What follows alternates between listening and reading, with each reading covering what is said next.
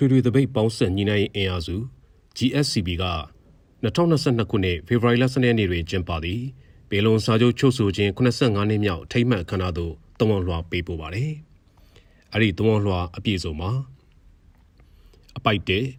ယနေ့သည်မြန်မာနိုင်ငံဤနယ်ချဲ့ဆန့်ကျင်ရေးနှင့်လွတ်လပ်ရေးလှုပ်ရှားမှုတမိုင်းတွင်အရေးပါလှသည့်ပင်လုံညီလာခံနှင့်ပင်လုံစာချုပ်ချုပ်ဆိုခဲ့သောတမိုင်းဝင် နေဒူးနှင့်မြတ်ကြီး 85နှစ်ပြည့်မြောက်သည့်အချိန်အခါသမယပင်ဖြစ်ပေသည်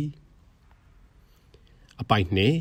ဗြိတိရှကိုလိုနီလက်အောက်မှတောင်တန်းမြေပြန့်အတူတကွစုပေါင်းညီညွတ်စွာလွတ်လပ်ရေးရယူပြီးတိုင်းရင်းသားဒန်းတူခွင့်ကိုပိုင်ပြတ်ထန်းခွင့်များအာမခံနိုင်သည်ပြည်တော်စုတိဆောက်ရန်ရည်တံ၍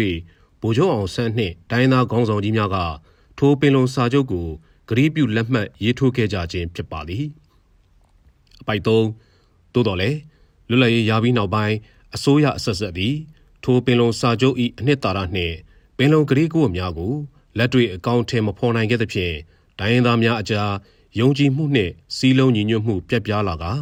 နိုင်ငံရေးပဋိပက္ခများနှင့်လက်နက်ကိုင်တော်လှန်ရေးများပါဖြစ်ခဲ့ရပြီးပြည်ရင်းစစ်မီးပါတောက်လောင်လာခဲ့ရသည်အပိုင်လေးထို့သောနိုင်ငံရေးပဋိပက္ခများကိုမဖြေရှင်းနိုင်ခဲ့သည့်အပြင်1962ခုနှစ်တွင်စစ်တပ်မှအခွင့်ကောင်းယူအာဏာသိမ်းခဲ့သဖြင့် တတိုင်းပြည်လုံးစစ်အာဏာရှင်စနစ်ဆိုးအောက်ထပ်မံကြာရောက်ခဲ့ရပြန်သည်ထို့ကြောင့်ဒန်းတူရေးနှင့်ကိုပိုင်ပြတ်ထန်းခွင့်ရရှိရေးစသည့်ပြည်ထောင်စုမျှော်မှန်းချက်များပြတ်သုံးခဲ့ရသလိုပြည်သူတရလုံး၏ဒီမိုကရေစီခွင့်ရများလည်းဆုံးရှုံးခဲ့ရပြန်သည်အပိုင်ငါတိုင်းရင်းသားပြည်သူတရလုံးသည်ထို့သောစစ်အာဏာရှင်စနစ်ဆိုးအောက်တွင်နှစ်ပေါင်း60ကြာလူခွင့်ရေးနိုင်ငံသားခွင့်ရေးတိုင်းရင်းသားဒန်းတူခွင့်ရေးများကင်းမဲ့စွာ ရက်တီရှင်သန်ခဲ့ကြရသည်အထူးသဖြင့်လူနည်းစုတိုင်းရင်းသားဒေသများတွင်ပြည်တွင်းစစ်မီးတံနှင့်အတူစစ်အာဏာရှင်၏ဖိနှိပ်ရက်စက်မှုမျိုးစုံကိုပြည်မနေပြည်သူများထက်ပိုမိုခါးသီးစွာခံစားခဲ့ကြရသည်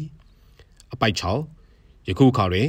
2020ရွေးကောက်ပွဲမှပြည်သူတင်မြှောက်သောအစိုးရကိုစစ်တပ်ကအာဏာသိမ်းမှုထပ်မံပေါ်ပေါက်လာပြန်သဖြင့်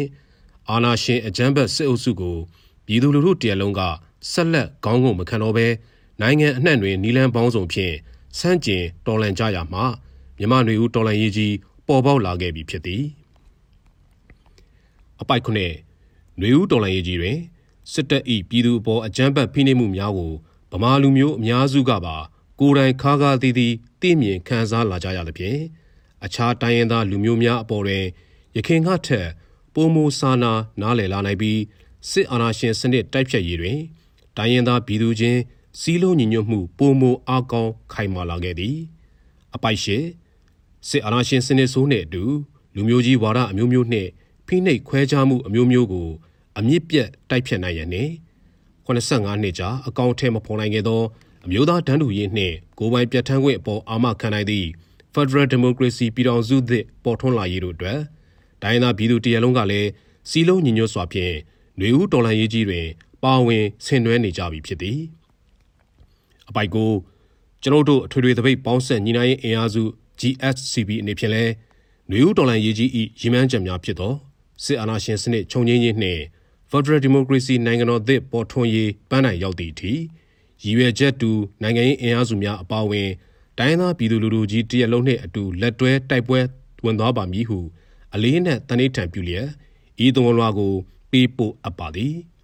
အထွေထွေသပိတ်ပေါင်းဆက်ညှိနှိုင်းရေးအင်အားစု GSCB ဟုဖော်ပြပါရှိပါလေခင်ဗျာ